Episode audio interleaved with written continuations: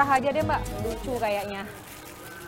Dulu, sekitar tahun 2004 sampai 2006, hampir semua stand di Pasar Wedoro Waru, Sidoarjo, Jawa Timur menjual sandal dan sepatu. Hingga kampung ini dikenal sebagai Kampung Sandal. Tapi kini kondisinya berbeda. Hanya tersisa sedikit sekali penjual alas kaki yang masih bertahan. Saya coba dulu boleh ya mbak?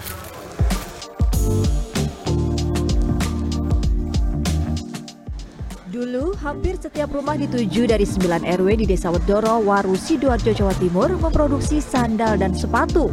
Bisa dibilang saat itu usaha pembuatan sandal menjadi penghasilan utama warga. Kerajinan sandal pun sampai diekspor ke Timur Tengah, Afrika, Amerika Latin, dan Asia Tengah. Kini, karena berbagai tantangan, kebanyakan perajin sandal banting setir ke usaha lain. Bagi perajin yang masih bertahan, mereka juga memiliki usaha sampingan agar mendapat penghasilan tambahan.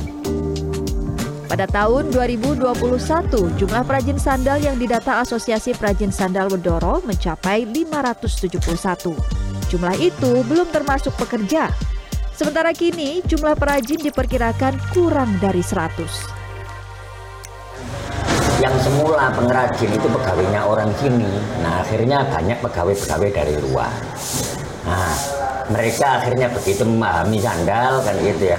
Akhirnya mereka juga ya usaha di kampungnya sehingga Mojokerto, Malang itu kan banyak bermunculan sentra-sentra kerajinan sandal kan nambah kompetisi saat itu, Asosiasi Perajin Sandal Wedoro berfungsi membantu pemasaran dan mengupayakan pendampingan dari pemerintah. Hampir setiap ada acara seperti pameran, produk kampung Sandal Wedoro diikutkan hingga ke luar negeri. Tapi karena usaha sandal kian surut, asosiasi ini tak aktif lagi. Karena ada pendampingan, semangat kita juga tinggi kan gitu ya. Nah, otomatis ya produksi kita produk produksi kita juga meningkat.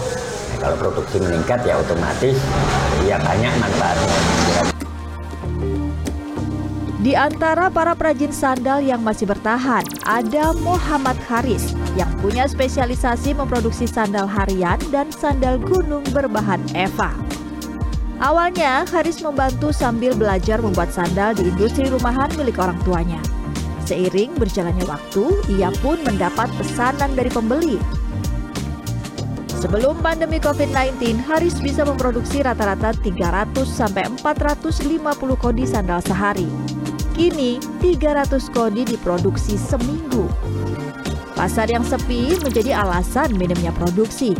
Jumlah pekerja yang dulunya mencapai 90 pun kini tinggal 15 orang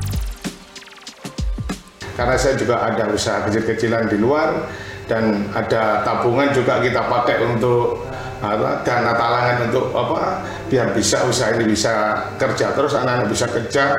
Dan otomatis kita harus spekulasi bisa stok barang stok sandal biar nanti kalau rame kita jual. Ya alhamdulillah pokoknya usaha kita gimana yang bisa menghasilkan uang kita aja Sehari-hari industri rumahan sandal ini melayani pembelian secara grosir minimal 5 kodi. Sandal per kodi dibanderol mulai dari 300 hingga 700 ribu rupiah tergantung model, ukuran, dan bahan.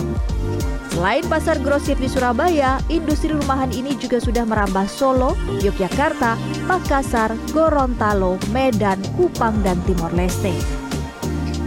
Konsumen semua meminta harga sekian, kualitas A, kualitas B, kualitas C bisa saya. Tergantung harga dan permintaan.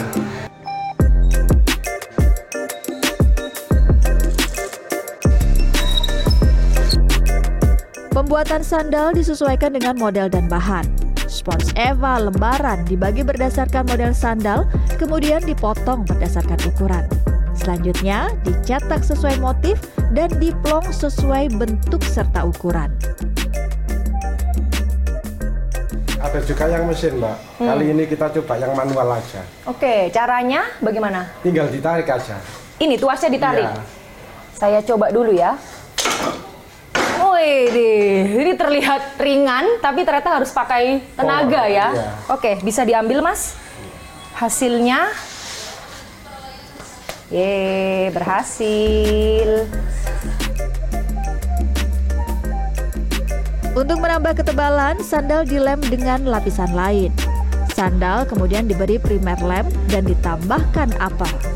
Upper yang terpasang selanjutnya disesuaikan dengan list ukuran sandal. Kemudian upper dilem dan sol ditempel. Setelah itu merek dijahit. Agar lebih rapi, bagian samping sandal dihaluskan. Sandal yang sudah jadi pun disortir dan dikemas. Agar bisa menyelesaikan pesanan dengan tepat waktu, para pekerja memproduksi sandal selama sekitar 15 jam sehari mulai Senin hingga Jumat. Khusus Sabtu, mereka bekerja setengah hari. Pekerja yang merupakan warga sekitar dan perantau dibayar dengan sistem borongan, mulai 500 sampai satu setengah juta rupiah per minggu. Itu borongan, berangkatnya ya biasanya jam 7 setengah 8 sampai setengah 12 bedor.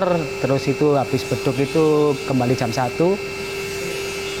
jam 1 sampai jam 4 jam 4 kembali istirahat jam 7 jam 7 istirahat sampai jam 10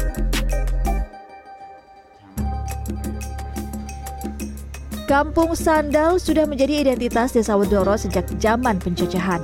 Agar bisa bertahan, para perajin memiliki tantangan beradaptasi dengan perkembangan zaman, seperti cakupan pemasaran secara daring. Mesin pun harus dilakukan regenerasi sesuai model sandal. Selain itu, diperlukan bahan yang bagus dan murah agar bisa bersaing dengan produk dari luar negeri. Kanzata Marindora, Heru Sudarmanto, Sidoarjo, Jawa Timur.